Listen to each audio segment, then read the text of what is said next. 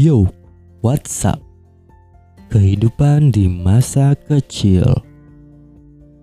Selamat pagi, siang, dan malam untuk kalian pendengar ngoli. Sehat selalu warga 62 dan buat kita semua. Amin. Podcast kali ini gue ajak kalian untuk bernostalgia sama permainan anak 90-an.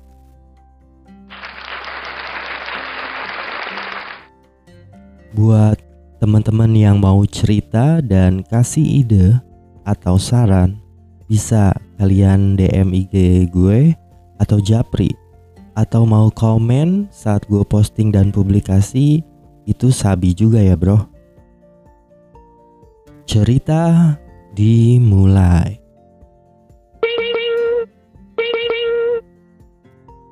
Mari kita dengarkan ngoli ngocehnya Wiley. Chapter 3 Permainan di era 90-an Ada apa aja sih yang teringat dalam permainan anak-anak 90-an? Banyak banget dong pastinya.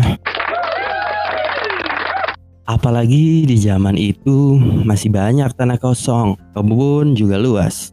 Jadi kalau mau guling-guling dari ujung ke ujung juga udah keringetan lah. Bayang kan?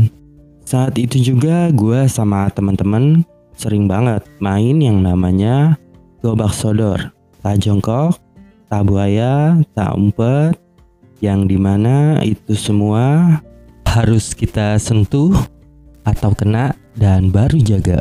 So, kalau sekarang kayaknya udah nggak mungkin sih karena mau main kena kena kena kena kena jaga itu udah nggak bisa eh udah mikirin yang namanya kita jaga jarak satu meter. Tapi kalian sempet gak sih pikiran kenapa sih itu namanya harus tajongkok? Hmm, kalau menurut gue karena itu permainan jadi namanya tajongkok.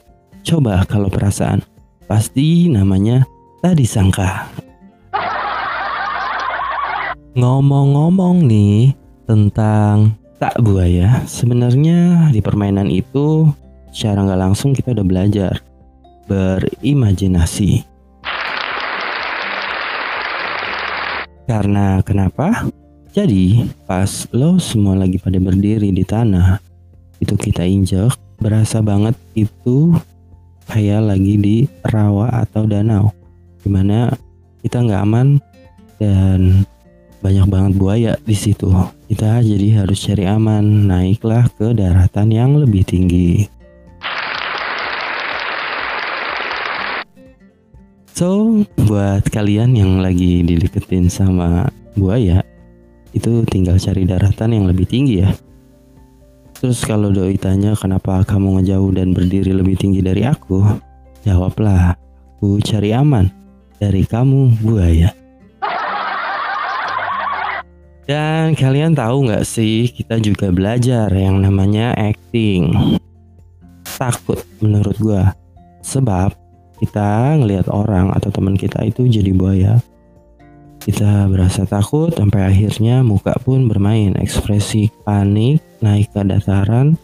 Tapi di tak buaya ini jangan juga lama-lama ketika lo lagi ada di dataran yang tinggi.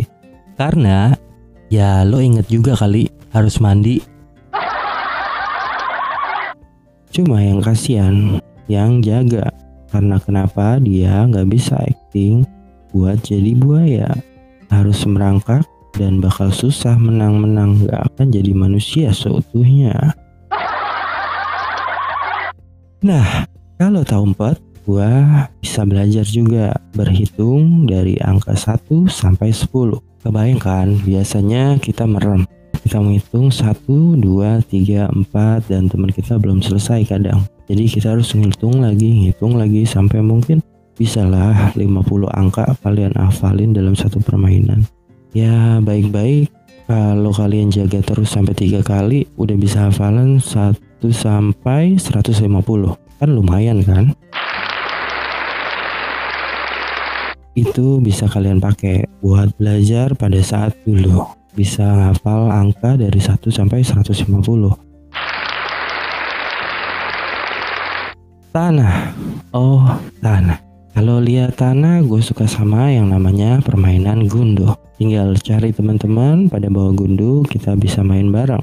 Ada yang namanya Apollo, pecahan, dan tektokan. Kalau permainan gundu itu secara nggak langsung kita bisa belajar yang namanya gambar. Kita mulai main dengan menggambar roket atau Apollo Lalu pecahan itu bisa juga kita main dengan lingkaran atau gambar lingkaran. Cuma buat tektokan itu kita main yang berbeda lagi. Nggak ada gambar tapi main kekuatan karena kita nektokin gundu ke tembok. Tapi tapi tapi jangan kencang-kencang. Ingat gundu itu kecil. Kalau kekencengan hilang habis bukannya kalah main gundu malah hilang terus. Ya nggak sih, kangen kan ngeliat tanah kosong atau kebun buat di era sekarang?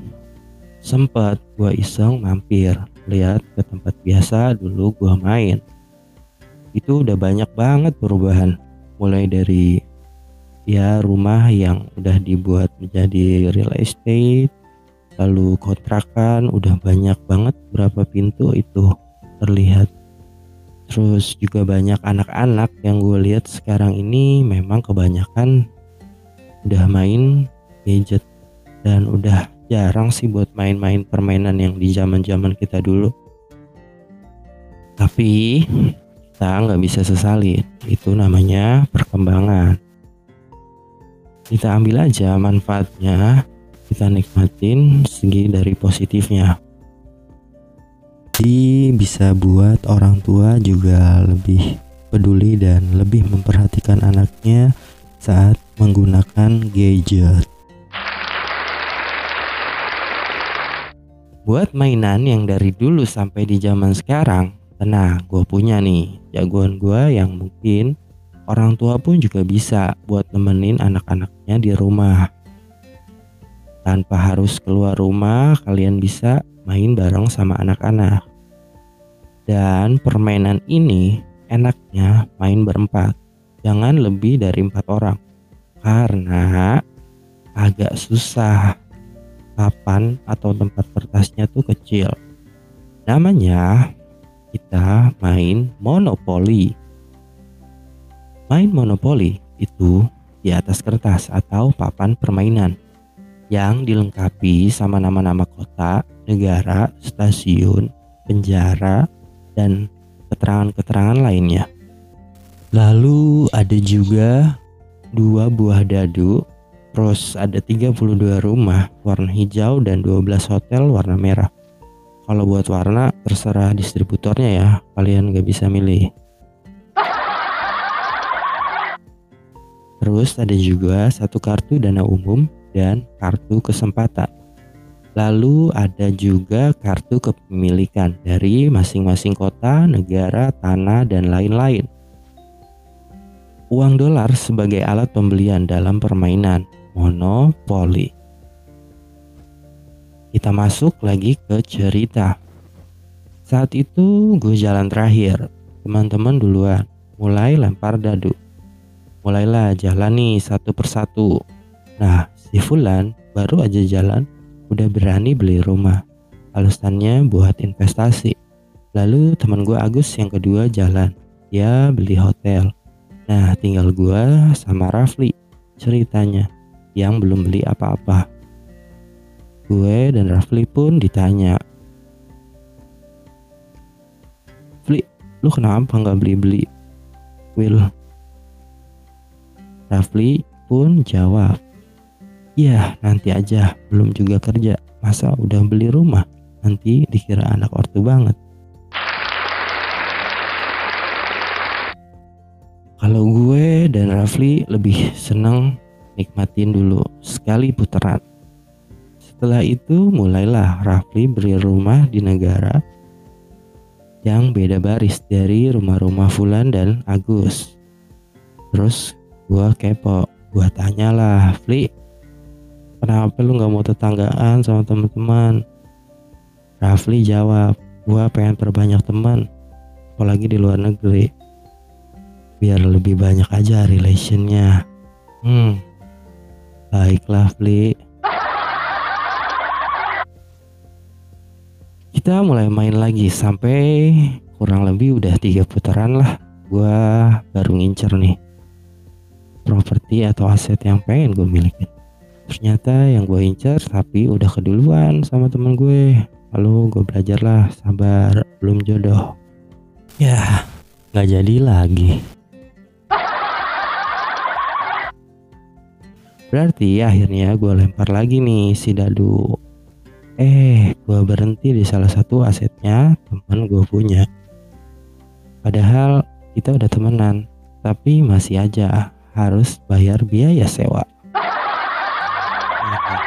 Jadi memang rules dalam monopoli ketika lo atau teman-teman lo itu udah punya aset dan lo berhenti di asetnya dia wajib buat bayar yang namanya denda. Tapi pada saat itu gua megang yang namanya kartu sakti. Itu kalau nggak salah kartu ada di kesempatan. Jadi gue dibebasin buat yang namanya uang sewa. Akhirnya kita lanjut ke ceritanya teman gue.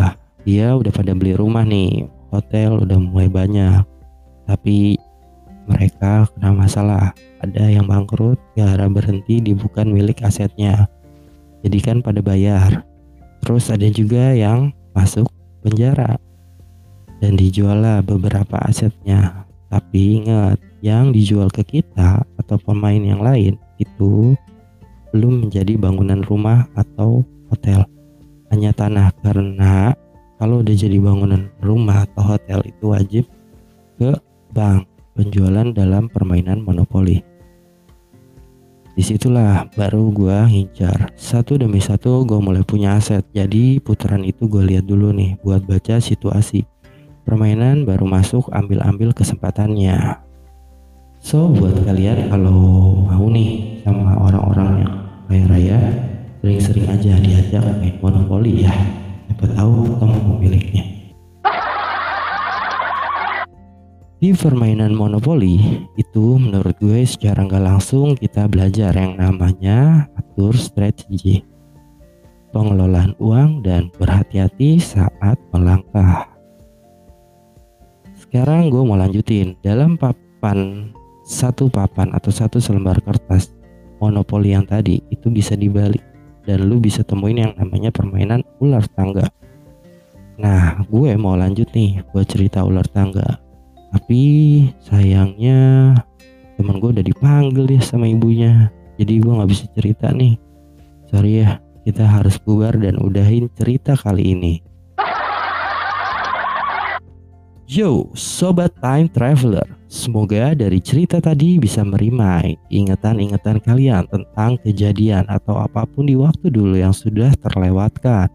Jadi bisa ngoli with bla bla bla.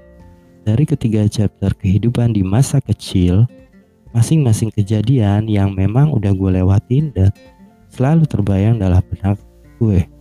Jadilah gue ceritakan di dalam podcast ini.